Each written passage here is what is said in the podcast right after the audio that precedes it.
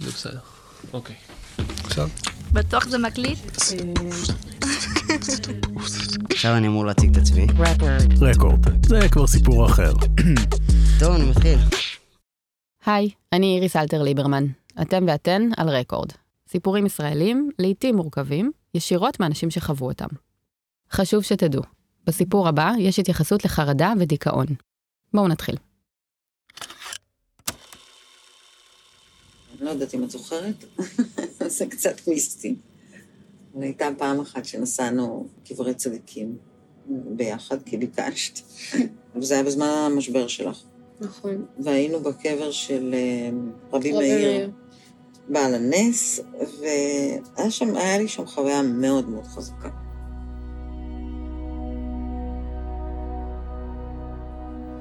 כאילו, את התפללת, ואני כאילו לקחתי תהילים או משהו כזה, ואמרתי כמה מילים מהספר, ואז כזה עצמתי את העיניים והתחברתי, נגיד, וכאילו שאלתי אותו על ילד-ילד בתוך המשפחה. וכשהגעתי אלייך, התשובה, כאילו, בחיי, שזה מה שקרה, התשובה שקיבלתי, תעזבי אותי. יש לה את האור שלה, והיא תמצא אותו. והרגשתי שקיבלתי תשובות אמת.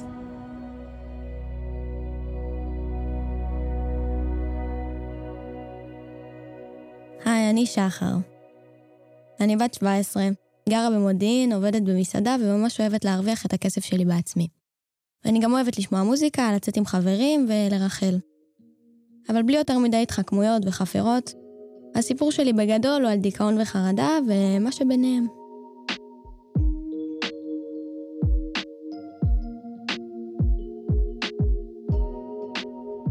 בעיניי, חרדה או פחד זה, זה רגש מאוד חזק שמציף אותנו, מכל מיני סיבות. ורגש זה לא דבר שצריך לפחד ממנו. זה מגיע אלינו בצורה של חרדה, זה מגיע אלינו בצורה של תחושה שאנחנו לא יכולים לשאת אותו. כי בתוך הפחד נמצא גם האומץ. כי לפעמים אנחנו, יודעת, מפחדים מהכוח שלנו. אנחנו קוראים לזה חרדה, ואנחנו מפחדים ממה שאנחנו מסוגלים להרגיש. מערכות שלמות לאורך כל החיים מלמדות אותנו אה, לשמור על עצמנו קטן. לא, לא, לא, לא להראות. לא, לא צריך, לא צריך להרגיש. צריך להיות כמו כולם. צריך לשחק את המשחק באיזשהו אופן. והנפש שלנו לא תמיד שם. לפעמים יוצאת משם. זאת אימא שלי. היא שחקנית וליצנית רפואית. אין ספק שבת בדיכאון לא היה משהו צפוי. נתחיל בהתחלה.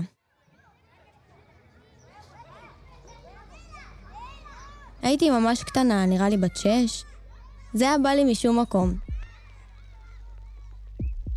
הייתי פשוט פתאום מרגישה בעולם מוזר. כשאני שומעת אנשים מוזר, זה היה ממש מפחיד. אני לא זוכרת את הפעם הראשונה שזה קרה לי.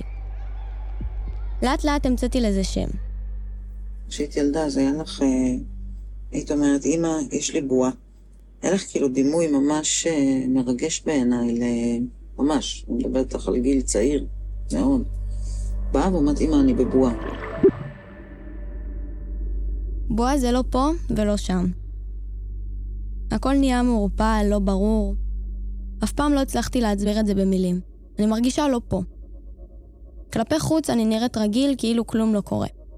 אבל בפנים בראש הכל רץ מהר. וככל שאני מחכה יותר עם לדבר על זה, זה מתגבר עוד ועוד. וצלילים מעצימים את זה עד שאני מרגישה משוגעת.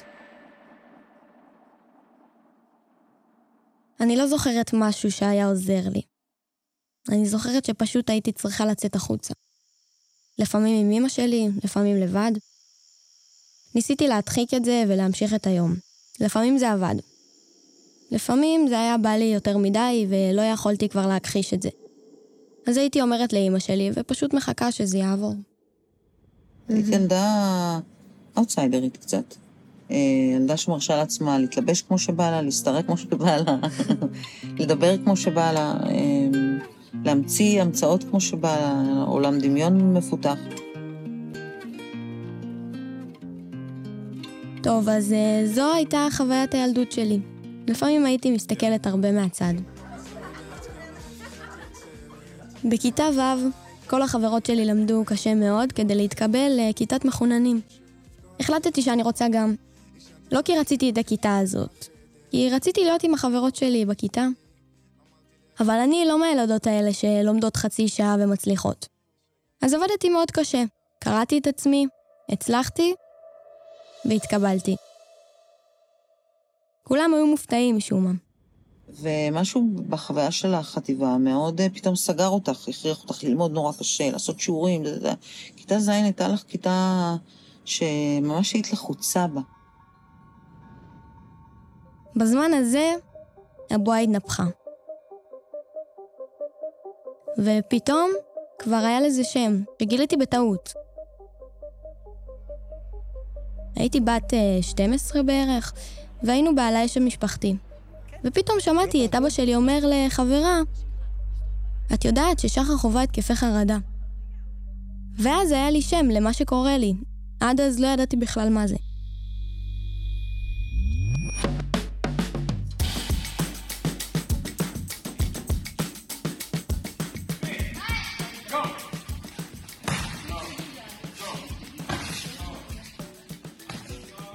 עוד דבר שהתחלתי כשהייתי קטנה יותר, טקוונדו. זה התחיל כחוג רגיל, כמו כל ילדה, היה לי קשה להתמיד. בכיתה ז' זה נתפס.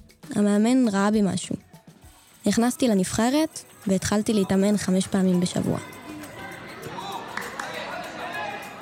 הרגשתי חזקה, ושאף אחד לא יכול עליי. את נכנסת לאימון, ושמה את כל המחשבות מאחורה. את בקרב. המאמן שלי היה קשוח, אבל בקטע טוב. אני זוכרת שפעם היה אימון קרשים. שברתי קרש, אבל שברתי גם את שתי האצבעות. אחרי שבוע הגעתי עם גבס על כל היד, והתאמנתי עם הגבס.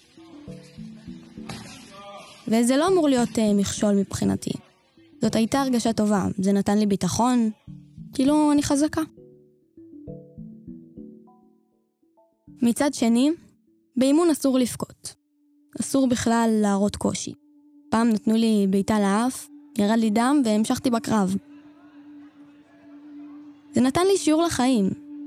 לא תמיד טוב, אבל uh, לשים את הכל בצד ולהראות uh, פוקר פייס.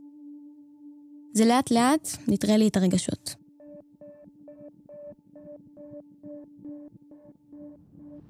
הגעתי לחגורה כחולה, והייתי מוכנה לתחרות חשובה בחו"ל.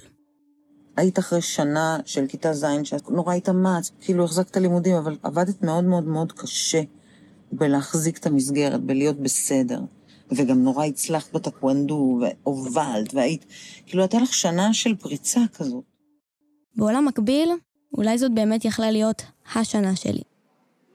התאמנתי לתחרות בבולגריה, כמעט כל יום במשך שעות. היה אינטנסיבי ומתיש. אני לא אשכח את אחד הלילות במחנה אימונים, הלכנו לישון שפוכים. חשבנו שסיימנו את היום. ואז מעירים אותנו בשתיים בלילה. פתחו את הדלתות, קומו אימון לילה. חמש דקות להתארגן וכולם באולם. הרגשתי בשיא שלי באותה תקופה. ואז, חודש לפני הנסיעה, נפצעתי בברך. קראתי רצועה. לא זזתי מהמיטה. לבית ספר לא הלכתי בגלל שהייתי עם קביים והיה לי קשה לעלות במדרגות. חצי שנה לא התאמנתי, חצי שנה הייתי בשיקום. בהתחלה זאת הייתה רק המוגבלות הפיזית. נפצעתי בברך, אז היה לי קשה ללכת.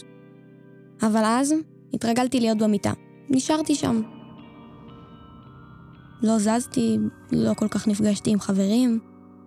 הרגשתי חרא. אבל לא הרשיתי לעצמי לבכות, כי ראיתי בזה התמסכנות וחולשה. אם בטעות בכיתי, אחר כך ממש כעסתי על עצמי. אמא שלי לא ידעה בהתחלה איך לאכול את זה.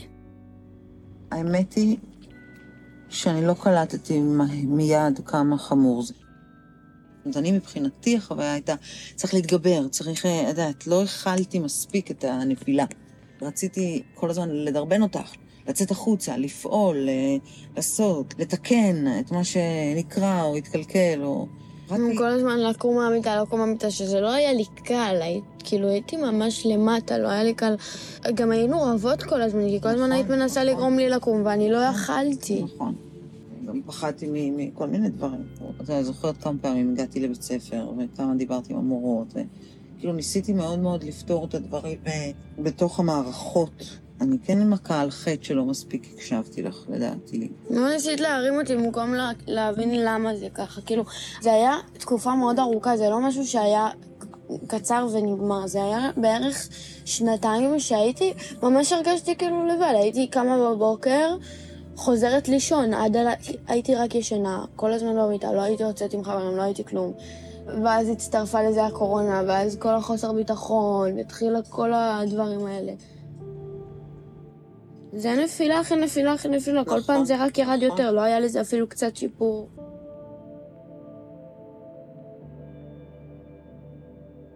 כאילו הייתי רבה איתה, מוציאה אותך בכוח, שתעשי עם עצמך משהו, תעשי את הפונדות, תעשי, תציירי, נורא רציתי שתעשי משהו.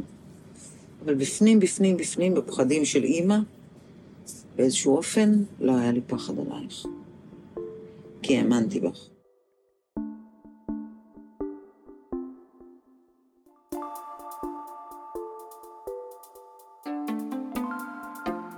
באותה תקופה הייתי קקטוס, עם הקוצים החוצה.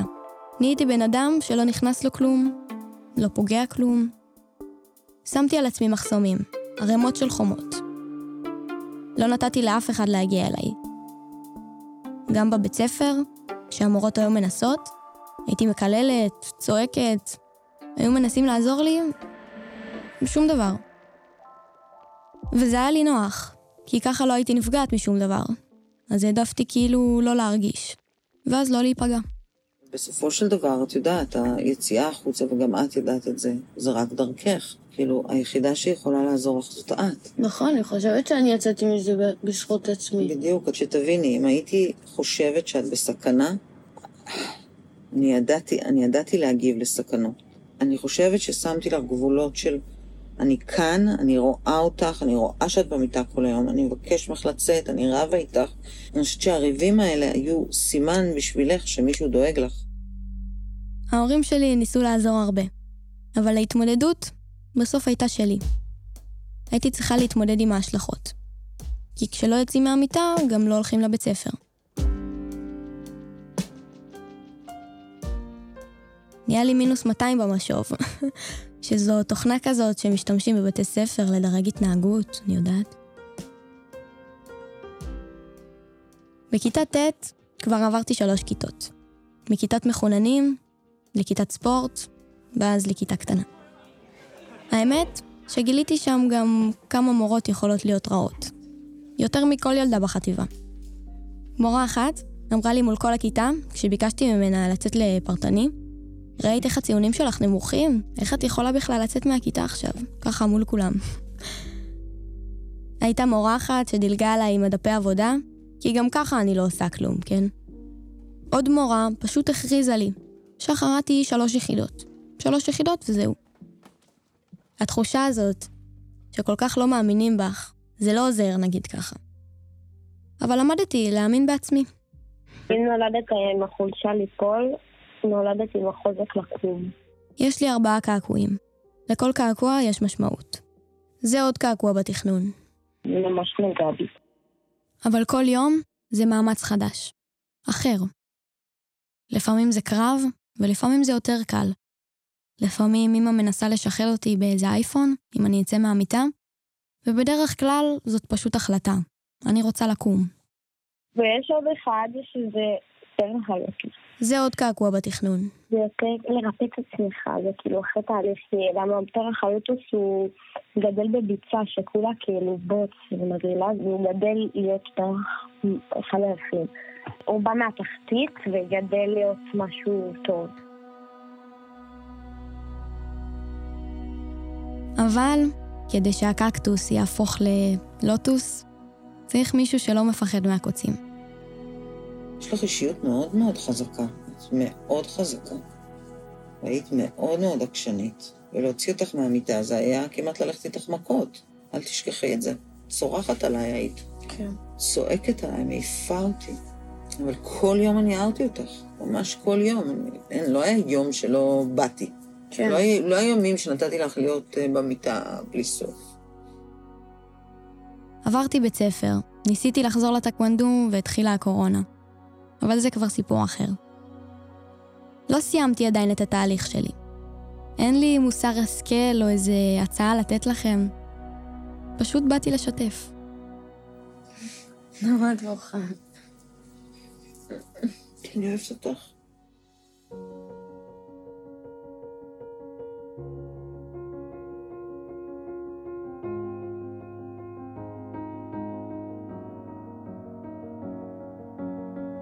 They say it's a matter of time, a thousand days and the sun won't shine before I come back to you.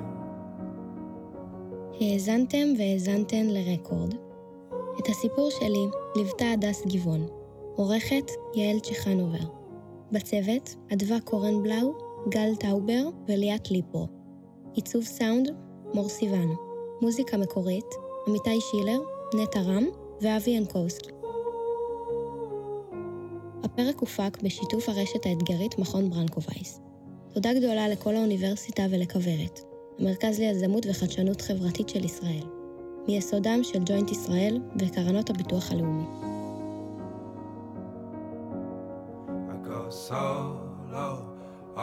I go solo, oh. I'm making my way home. I'm making my way. אז זהו, זה עבר יותר מהר ממה שחשבתי. רקורד, זה כבר סיפור אחר. מההתחלה הכל? היי, זאת שוב איריס. תודה שהאזנתם והאזנתן. לסיפורים נוספים, חפשו רקורד בעברית בכל יישומוני ההסכתים. רוצים לשמוע עוד על עמותת רקורד? היכנסו לאתר שלנו, רקורד co.il, או חפשו אותנו בסושיאל רקורד בעברית. נשתמע.